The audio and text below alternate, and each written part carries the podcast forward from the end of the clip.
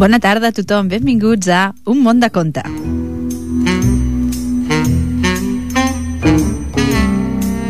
Com sabeu, aquest és el programa dels dimecres de 6 a 7 de la tarda que fem en Jordi Puy i jo mateixa, la Marviera.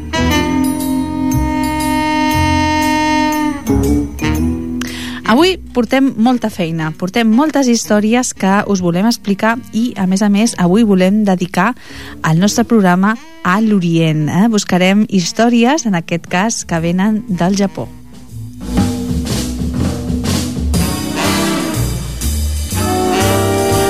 Com sempre, sabeu que estem al 91.3 de la FM a l'emissora municipal a Ripollet Ràdio i que també ens podeu escoltar per internet als www.ripolletradio.cat.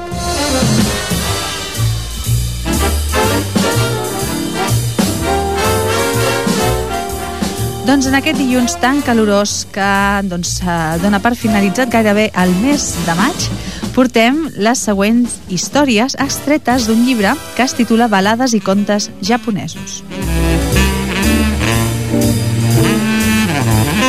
Les històries són Oshidori, Oshichi, la filla de Yaoya, o el venedor de vegetals, la història d'Otei, Mujina, un secret mort i la darrera història, Ubazkura.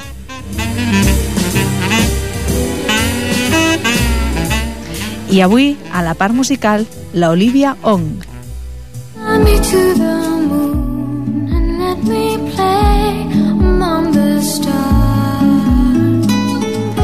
La Olivia Ong, eh, una de les veus més dolces que potser he trobat i que a més a més és mm, d'origen oriental, com us deia avui dediquem el programa a l'Orient i ella doncs és eh, nascuda a Singapur. Us explicaré una miqueta més de la Olivia Ong eh, a mesura que anem escoltant les cançons que hem triat pel nostre programa. Darling.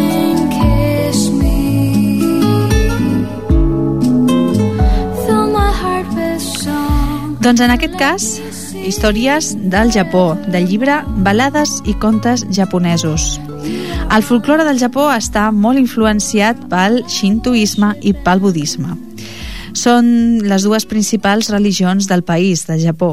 Sovint eh, implica personatges i situacions còmiques o estrafolàries i també inclou un assortit d'éssers supranaturals, com ara els Bodhisattva, els kami, que són déus i esperits eh, reverits, els yokai, o esperits monstres, com ara l'oni, kappa i tengu, els yurei, que són fantasmes, dracs i animals amb poders supranaturals, com ara el kitsune, que és una guineu, el tanuki, un gos viverrí, la mugina, que és un teixó, i bakeneko, que és un gat que es transforma en diferents éssers, així, així com objectes sagrats o de vegades posseïts. Sovint es divideix el folklore japonès en diferents categories. A veure si me'n surto amb aquests noms. Per una banda, Mukashibanashi, que són contes de fa molt temps, Namidabanashi, que són relats tristos, Obakebanashi, que són relats de fantasmes, Ongaeshibanashi, relats d'amabilitat recompensada, Chom Tonchi Banashi, que són relats religiosos, Warai Banashi, relats divertits, i, per acabar, Jokubari Banashi, que són relats de codícia. I també inclou els Yukar, que són contes populars. El folklore del Japó, com dèiem, ha estat influenciat per la religió, però també ho ha estat per la literatura estrangera, així com per la mena d'animisme comú a tota l'Àsia prehistòrica. Alguns relats de l'antiga Índia van ser influents en prendre forma als relats japonesos proporcionant-los-hi el material. El material indi, eh, transmès a través de la Xina i Corea, va ser molt modificat i adaptat de manera que s'adigués a la sensibilitat de la gent normal del Japó. Els relats de micos del folklore japonès han estat influenciats pel poema èpic sànscrit Ramayana i pel clàssic xinès El viatge a l'oest. Les històries mencionades als contes budistes apareixen amb una forma modificada al llarg recull eh, japonès de contes populars. Doncs com us deia, portem aquests eh, contes avui que esperem ens apropin una miqueta als contes, a la tradició oral eh, doncs, d'aquest doncs, eh, país tan fascinant com és el Japó.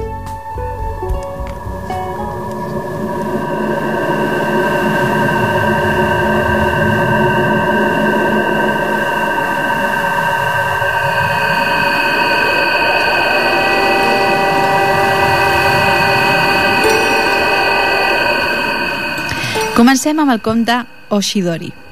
Diu així. Una vegada hi havia un caçador i falconer anomenat Sonjo, que vivia en el districte Tamura Nogo, de la província de Mutsu. Un dia se'n va anar a caçar i no va trobar caça.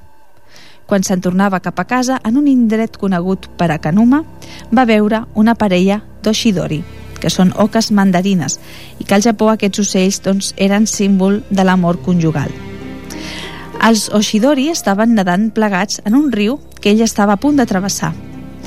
Matar Oshidori no està bé, però aquell dia en Sonjo tenia fam i disparà contra la parella. La seva fletxa travessà el mascle. La femella fugí i es va amagar en uns lloncs de la vora llunyana. En Sonjo va agafar l'ocell mort, el dugué a casa seva i el va coure. Al vespre va tenir un somni esgarrifós. Li va semblar que una dona molt vella entrava dins la seva cambra i prop del, calç, del capçal del llit es posava a plorar. Plorava tan amargament que en Sonjo va sentir que el cor se li feia miques mentre escoltava. La dona li va dir cridant «Per què l'has mort? Per què? De què en tenia la culpa? Vivien tan feliços tots dos i tu l'has mort. Quin mal t'havia fet? Saps què has fet? Saps quina cosa tan cruel, tan iniqua has fet? A mi també m'has mort, perquè jo no viuré sense el meu company. Només he vingut per dir-te això. I va començar una altra vegada a plorar fort, tan amargament que la veu dels seus gemecs va arribar fins al moll dels ossos d'en Sonjo i també va sospirar les paraules d'aquest poema. A l'avinguda del capvespre vaig invitar-lo a tornar amb mi i ara dormir sol en la fosca dels joncs de Camuna. Ai, tinc una pena de no dir. Després de dir aquestes paraules es queixà. Ai, tu no saps què has fet, no ho pots saber, però demà ja ho veuràs quan vagis a Canuma. I dient això, se'n va anar, plorant d'una manera que arribava al cor.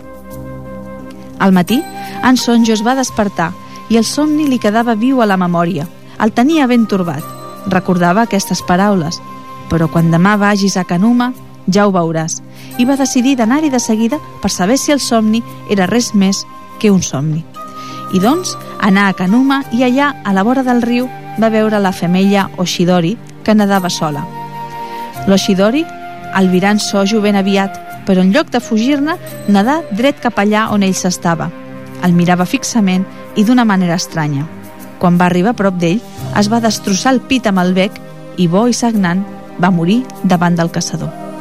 En Sonjo s'afaità el cap i va fer-se sacerdot.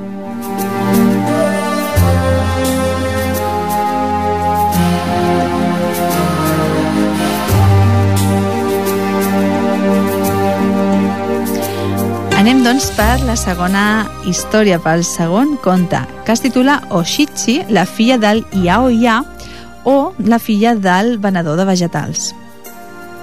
A la tardor, els cèrvols són atrets al parany dels caçadors pels sons del flaviol, que imita el so de les veus de llurs parelles. Així, els maten. Quasi de la mateixa manera, una de les cinc noies més velles de Iedo, tan vella que encisava la ciutat com els cirerers quan floreixien a la primavera, va fer malbé la seva vida ensegada per l'amor. Va actuar sense pensar bojament. Després, la portaren davant el capitós local, de la vila de Iedo, un oficial superior que li va preguntar «Vos sou Oshichi, la filla de Liaioa, i tan jove com sou, vau poder cometre un crim tan esgarrifós com el de calar foc?» Oshichi, plorant i fregant-se les mans, va respondre «De debò que aquest és l'únic crim, crim que he comès, i no he fet per res més que per això. Una vegada, quan hi va haver un foc molt gran, tan gran que, que gairebé tot Iedo va cremar, la nostra casa fou una de les que quedaran reduïdes a cendres. El pare, la mare i jo, com que no sabíem on anar, ens vam refugiar tots tres en un temple budista, amb la intenció de quedar-nos-hi fins que casa nostra fos reconstruïda. És veritat que el destí que treu dos joves l'un a l'altre costa de comprendre'l. En aquell temple hi vivia un jove acòlit i ens vam enamorar. Ens veiem d'amagat i una vegada vam jurar que no ens separaríem mai i ens van comprometre l'un a l'altre xuclant la sang d'uns talls que ens havien fet els dits petits i canviant promeses escrites que deien que ens estimaríem per sempre. Abans de canviar els nostres coixins, la casa nova d'Ongo fou construïda i arreglada per nosaltres, però des del dia que vaig dir adeu, ben trista, a Kitsi-Asama, a qui m'havia compromès per dues existències, no em va consolar mai ni una carta seva. Al vespre, sol al llit, rumiava i rumiava, fins que finalment em va venir la idea de calar foc a la casa. Només podia fer això si volia tornar a veure el meu estimat. Una tarda, al capvespre, vaig fer un feix de joncs secs i vaig posar sobre algunes branques, braces de carbó i ho vaig disposar tot, d'amagat, sota el cobert, rere la casa. En va sortir un gran foc i va haver molt rebombori i van agafar-me i portaren aquí. O que n'era d'esfereïdor, mai, mai més ho tornaré a fer, però passi el que passi, salveu-me, si us plau, tingueu pietat de mi. Era tan senzilla aquesta apologia, però quants anys tenia? 12, 13, 14, 15? Ella tenia 15 anys i no podia ser salvada. Per tant, Osichi fou sentenciada segons la llei, però abans la lligaren amb cordes molt fortes i l'exposaren a la vista de tots durant set dies al pont de Ninobashi. Era un espectacle molt trist. Les seves ties i cosines, Ibekurai i Kasuke, les minyones de la casa, s'havien d'espremer les mànigues de mullades que les tenien de tant plorar. I el crim no es pot oblidar, així que Osichi fou lligada a quatre puntals. Van apilar llenya als seus peus, l'ensegueren i en va sortir un gran foc. Pobre Osichi, enmig d'aquell foc. Així perden les ales en la flama els insectes.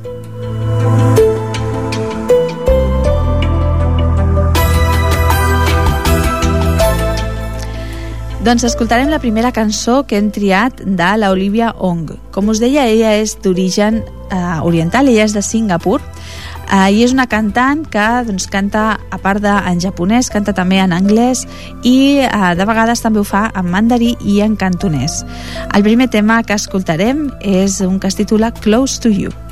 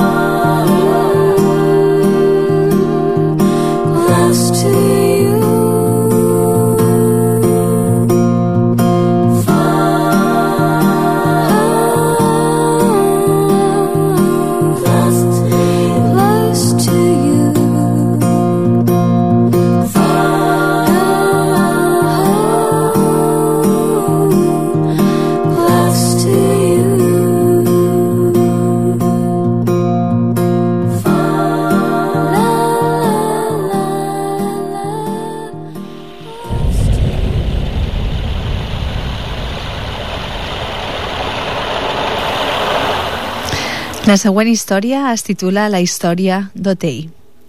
Ara fa molt temps, a la ciutat de Niigata, província de Chizen, hi vivia un jove que es deia Nagao Chosei. Nagao era fill d'un metge i a ell van educar-lo perquè també en fos. Noi encara ja estava promès amb una noia, Otei, filla d'un amic del seu pare. Les dues famílies havien acordat que el casament es faria així que Nagao acabés els estudis. Però bo i esperant, la salut d'Otei es va anar afablint. Tenia 15 anys i ja sabien que es moriria aviat. I ella, quan en fou conscient, envia a cercar Nagao per dir-li adeu. Així que el tingué agenollat al seu costat del llit, li va dir Nagao Sam, estimat, nosaltres estàvem promesos d'ençà que érem nens i ens havíem de casar al final d'aquesta anyada. Però els déus saben el que és millor per nosaltres i ara jo em moriré.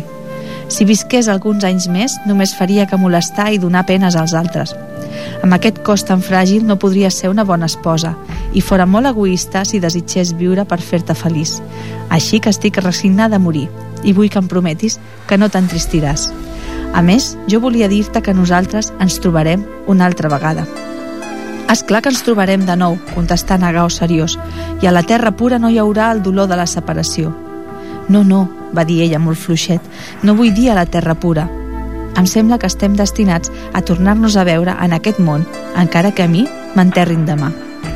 Nagao se la va mirar tot sorprès i va veure que ella somreia per això i que anava dient amb una veu suau i somiadora Sí, vull dir en aquest món, en la nostra vida d'ara, Nagao-sama. Comptant que tu ho desitgis, és clar, però perquè sigui així haig de néixer un altre cop noia i arribar a la joventut i per tant ha d'esperar 15 anys, potser 16. És molt de temps, estimat, però ara només tens 19 anys. I ell, que es, de, que es delia per animar-li els últims moments, respongué dolçament Espera't, esperar-te serà una joia i no un deure per mi, estimada. La nostra unió romandrà durant set existències. Però tu tens dubtes del que jo et dic? Li pregunta ella mirant-lo fixament. Però vida, és que no sé si et podré conèixer en una altra cosa i amb un altre nom si no em dones un senyal o una penyora, digué ell. Això no ho puc fer, i afegí ella. Només els déus i els budes saben com i on ens tornarem a trobar. Però jo estic certa, certíssima, que si tu em vols tornar a veure, jo podré tornar a tu. Tingues presents aquestes paraules meves. No va parlar més i els seus ulls s'aclocaren. Era morta. Nagao s'estimava molt Otei i en tingué una pena profunda. Feu fer una tauleta mortuòria i escriví el Socumio. La va posar al seu sudant i cada dia li feia ofrenes.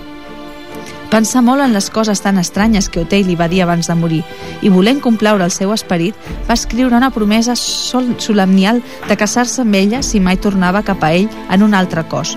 Segellà la promesa i la posà al Butsudan, al costat de la tauleta mortuòria d'Otei. Però com que Nagao era fill únic, s'hagué de casar i es va veure obligat a fer el que volia la seva família i acceptar una esposa del gust del seu pare. Després de casar-se, continuà fent ofrenes a la tauleta d'Otei. Sempre la recordava amb amor, però la imatge d'ella se li va anar esborrant de la memòria, a poc a poc, com un somni que costa de recordar. I els anys passaren. Durant aquests anys li van caure sobre moltes desgràcies. Els seus pares van morir i després la seva dona i l'únic fill que tenia. Ja no li quedava res al món, així que abandonà casa seva i emprengué un llarg viatge, bo i esperant, deixant rere la dissort. Un dia, en un dels seus viatges, arribà a Aikao, poblet de muntanya famós per les seves tèbies primaveres i per la bellesa de l'entorn. El va rebre una noia a l'hostal on s'aturà i de seguida que la va veure va sentir que el cor li bategava com mai no li havia bategat fins aleshores. S'assemblava al Otei d'una manera tan meravellosa que s'hagué de pessigar per estar segur que no somiava. Quan ella anava i venia portant foc i menjar o arreglant-li la cambra, cada actitud i cada moviment que feia li recordaven la imatge i l'encís de la noia que havia estimat quan era jove. Ell li va parlar i ella li respongué amb una veu dolça, suau i clara que l'omplí de tristor, la tristor d'un altre temps. Admirat, li va preguntar «Germana, us assembleu tant a una persona que vaig conèixer fa molt de temps que he quedat meravellat així que heu entrat a la meva cambra. Us puc preguntar on vau néixer i com us dieu?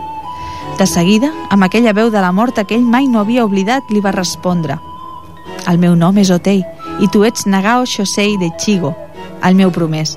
Fa 17 anys que vaig morir a Niigata i que vas prometre que et casaries amb mi si jo mai tornava a aquest món en cos de dona. i vas segellar la promesa amb el teu segell i vas posar-la al Butsudan, al costat de la, taleta, de la tauleta amb el meu nom, i per això he tornat jo. Després de dir aquestes paraules es desmaià. Es casaren i foren molt feliços, però ella no va poder recordar mai més el que ell li havia dit quan es retrobaren, ni tampoc no res de la seva vida passada. El record del primer naixement, que se li havia revelat ben misteriosament en tornar a veure Nagao, se li va esborrar per sempre més.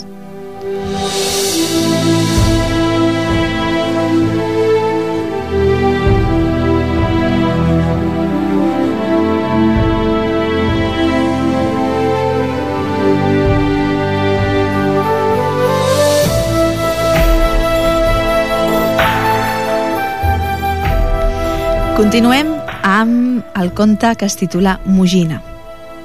Al camí de Kasaka, a Tòquio, hi ha una baixada que en diuen Kinokunizaka. No sé per què rep aquest nom, que vol dir la baixada de la província d'aquí.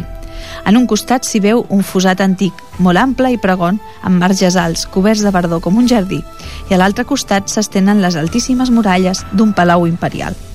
Abans que hi hagués fanals, aquest indret quedava molt solitari quan es feia fosc i els noctàmbuls s'estimaven més fer una gran volta que pujar sols aquí no i cara, després del cap vespre.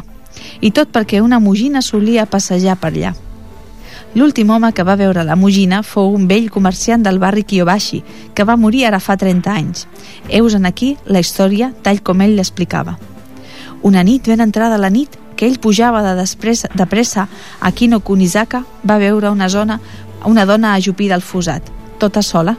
Plorava molt angoixadament. A ell li vingué por que no se li acudís de matar-se, així que s'aturà i l'oferí l'assistència i el consol. Semblava graciosa, esbelta i elegant i duia els cabells pentinats com una joia de bona família. Ojochu, digué ell acostant-se-li. Ojochu, no crideu així. Digueu-me què us passa i si puc ajudar-vos en alguna cosa, ho faré de bon grat. Ell, que era un home molt afable, es proposava realment de fer el que deia. Però ella no parava de plorar, boi amagant la cara en una de les llargues mànigues que duia. O jo, tornà a dir ell tan gentilment com volgué. Si us plau, si us plau, escolteu-me. Aquest indret no és el més adient perquè una noia s'hi estigui al vespre. No crideu, si us plau. Només digueu-me com podria fer alguna cosa per vos. Ella es va aixecar de sobte, li girà l'esquena i va tornar a plorar i a gemegar, tapant-se amb la màniga. Ell li posà la mà, la mà suaument sobre l'espatlla i li pregà «O Jochu, escolteu-me tan sols un moment». Aleshores, aquella Osochu es va girar del tot, deixar caure la màniga, s'apartà les mans de la cara i l'home veié que no tenia ni ulls, ni nas, ni boca, i cridà esferit i fugir. Corria com una esperitat per la Kino Kunizaka. Tot era fosc i buit davant seu. No va gosar mirar enrere fins que va veure una llanterna tan llunyana que semblava la resplendor feble d'un foc follet. I va anar i va resultar que era la llanterna d'un venedor ambulant de soba, que havia situat el seu lloc de venda al peu del camí. Però qualsevol llum i qualsevol ésser humà era bo. Després del que havia passat així que es va llançar als peus del venedor, de soba tot cridant «Ai, ai, ai! Core, core!» El venedor feu rudement. «Què hi ha? Què us passa? Us ha ferit algú?» No, no m'ha ferit ningú, sospirar. Només que... Ai! Només us han amenaçat? Li demanava el venedor amb una veu aspra. Eren lladres? No, no eren lladres, murmurejà l'home esporeguit. Jo he vist, he vist, he vist una dona al fosat i m'ha ensenyat... Ai, no, no us ho puc dir el que m'ha ensenyat. Què? Era una cosa com aquesta el que us ha ensenyat? Cridà el venedor de soba mostrant-li la cara que era igual que un ou. I al mateix temps la llum va desaparèixer.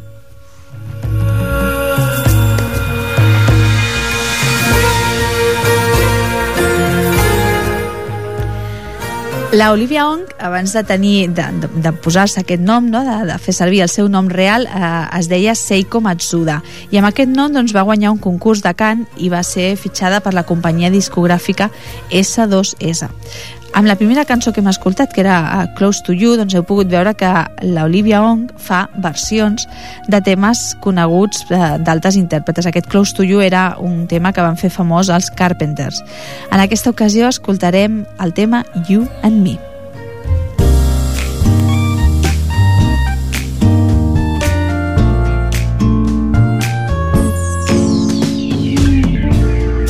Take have Things have changed. One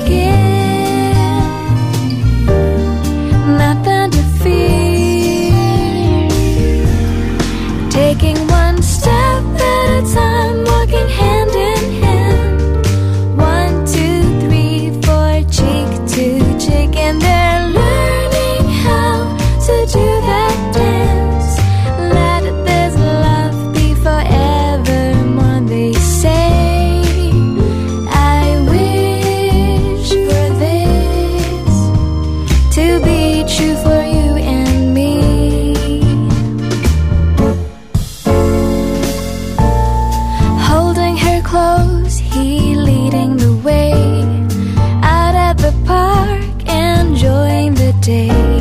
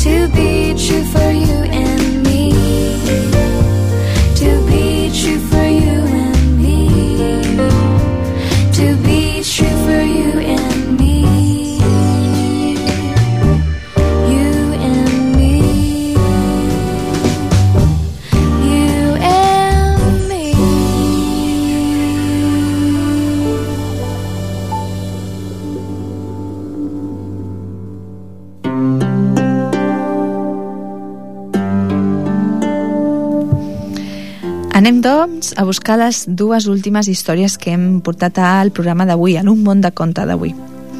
Començarem per la història Un secret mort. Ara fa una pila d'anys, a la província de Tamba, hi havia un comerciant molt ric, Inamuraya Jansuke, que tenia una filla que es deia Osono. Com que era molt bonica i eixerida, ell no va voler que rebés l'educació deficient que els mestres rurals li podien oferir i la va enviar a Kyoto, a casa d'uns corresponsals de confiança, perquè la poguessin educar de manera elegant i polida, com ho eren les dames de la capital. Quan estigué instruïda, es va casar amb un amic de la família del seu pare, anomenat Nagaraya, i visqué feliç prop de 4 anys. Va tenir un fill, un noi, però Sono va caure malalta i es va morir al quart any de matrimoni. La nit de l'endemà dels funerals d'Osono, el nen va dir que la seva mare havia tornat i que s'estava a la cambra de dalt. Ella li havia somrigut, però no li havia parlat, i ell agafa por i baixa corrents. Tot seguit, alguns familiars van pujar a la cambra que havia estat d'Osono i es van espaverar quan van veure a la llum d'una llàntia que hi havia encesa davant d'una capelleta la figura de la mare morta. Semblava que estigués dreta davant d'un tanso, que contenia encara els seus vestits i la seva roba. El cap i les espatlles es distingien força bé, però de cintura en avall la figura s'aprimava fins a quedar invisible. Era com una refracció perfecta d'Osono, transparent com una ombra sobre l'aigua. Tots en van quedar esporagurits i sortiren de la cambra.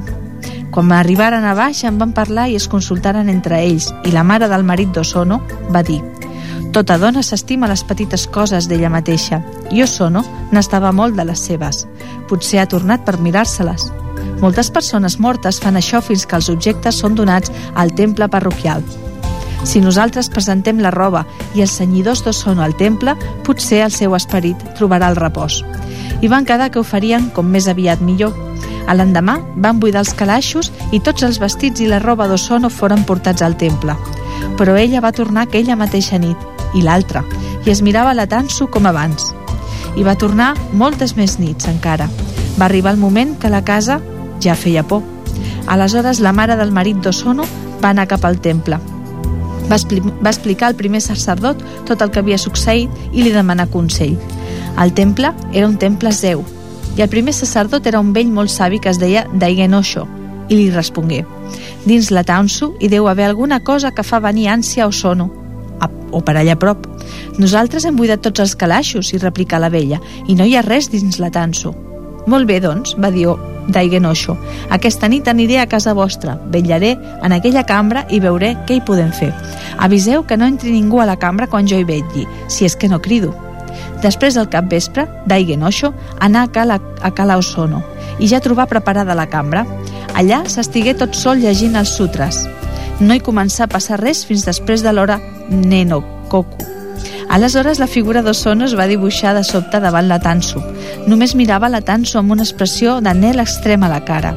El sacerdot va recitar la fórmula sagrada que es prescrivia en casos així i se'n va anar cap a la figura amb el caimillo, dient-li «He vingut aquí per ajudar-vos, que hi ha alguna cosa que us, que us té ansiosa, la Tansu? Potser puc trobar de provar la, per, potser puc provar de trobar-la per vos». Va semblar que la figura mitja sentia amb el cap, el sacerdot aixecà i obria el calaix de dalt. Era buit. Un rere l'altre va anar obrint el segon calaix, el tercer i el quart, i va buscar molta cura, a darrere, a sota. Va examinar amb compte l'interior de la calaixera. No hi va trobar res, però la figura encara mirava tan ansiosament com abans. Què pot voler? va pensar el sacerdot. Tot d'una, se li va acudir que potser hi havia alguna cosa amagada sota el paper que folrava els calaixos. Va aixecar el paper del primer calaix. Res. Va aixecar el paper del segon i del tercer calaix. No res tampoc. Per sota, el paper de, per sota el, del paper del calaix de baix hi trobar una carta. És això la cosa que us tenia tan inquieta? li preguntà. La figura de la dona es va girar cap a ell i, es, i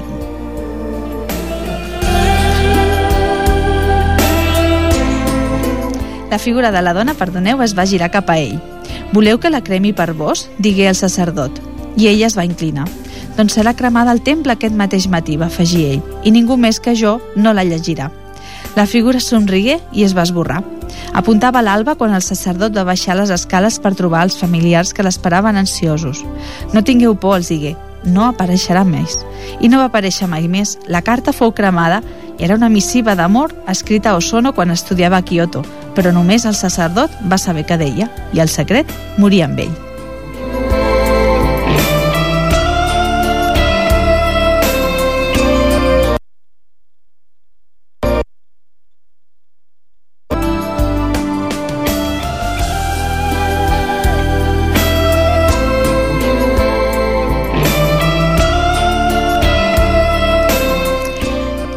La darrera història que portàvem preparada per avui, a veure si no em quedo a mitges com a la darrera, es titula Ubasakura.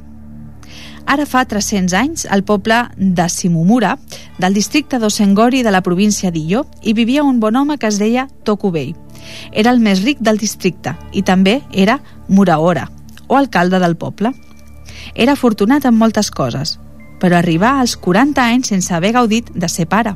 Per això ell i la seva dona, afligits perquè no els venien fills que els succeïssin, van adreçar moltes pregàries al déu Fudomio, que tenia un famós temple al Saioji, a Asamimura. A la fi, els foren escoltades les oracions. La dona de Tokubei donà vida a una nena que era molt bonica i que es digué Otsuyu. I com que la llet de la mare era deficient, va buscar una dida, Osode, perquè la criés.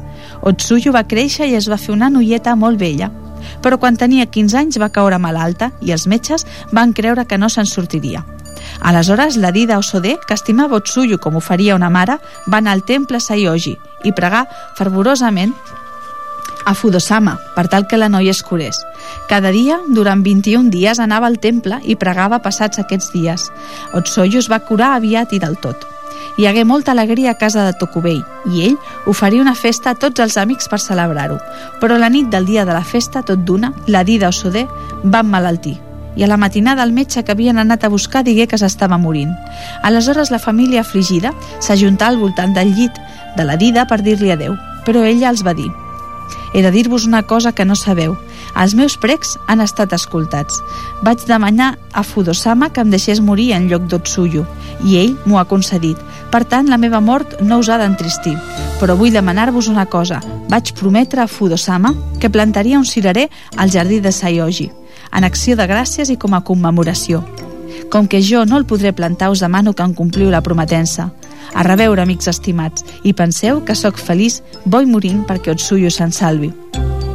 Després dels funerans d'Ossoder, un, cirer, un cirerer jove, el de més bona planta que havien pogut trobar, fou plantat pels pares d'Otsuyo al jardí de Sayoji. L'arbre va créixer i va pujar bé, i al setzè dia del segon mes de l'any floria que era una meravella i van anar florint així 254 anys, sempre el setzè dia del segon mes, i les seves flors blanques i rosades eren com els mugrons del pit d'una dona ruixats amb llet, i la gent en digué cura.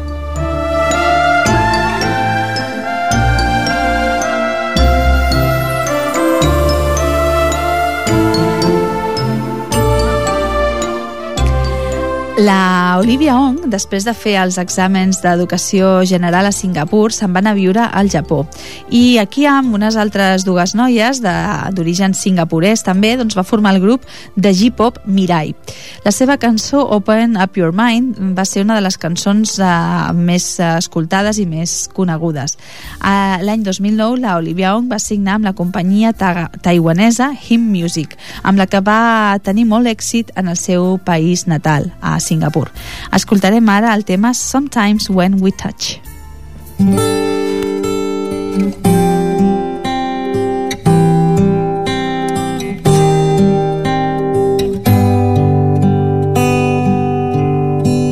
You ask me if I love you, and I choke on my reply. I'd rather hurt you honestly and mislead you with a lie. And who am I to judge you on what you say or do? I'm only just beginning to see the real you. And sometimes when we touch, the honesty's too much close my eyes and hide. I wanna hold it till I die, till we both break down and cry.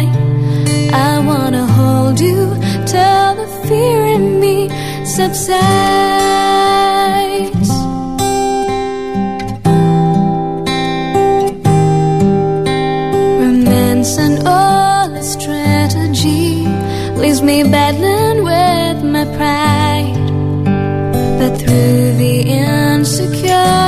Insecurity, some tenderness survives.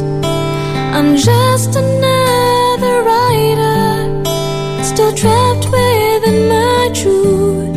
A hesitant prize fighter, still trapped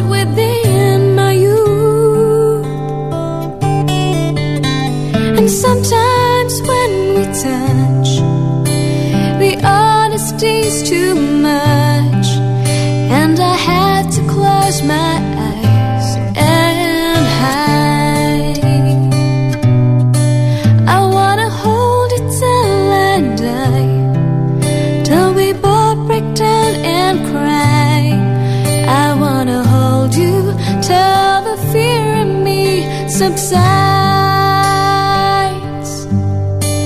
At times I like to break you and drive you to your knees. At times I like to break through and hold you endlessly.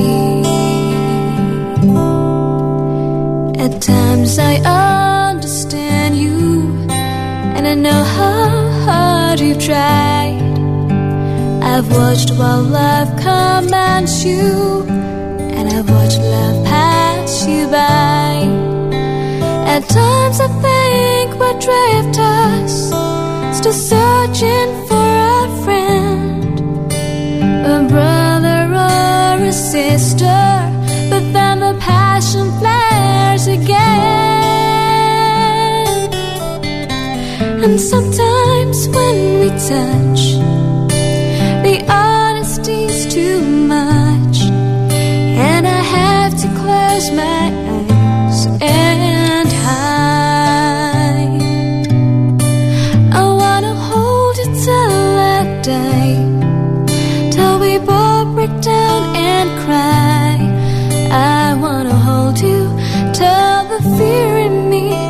upset.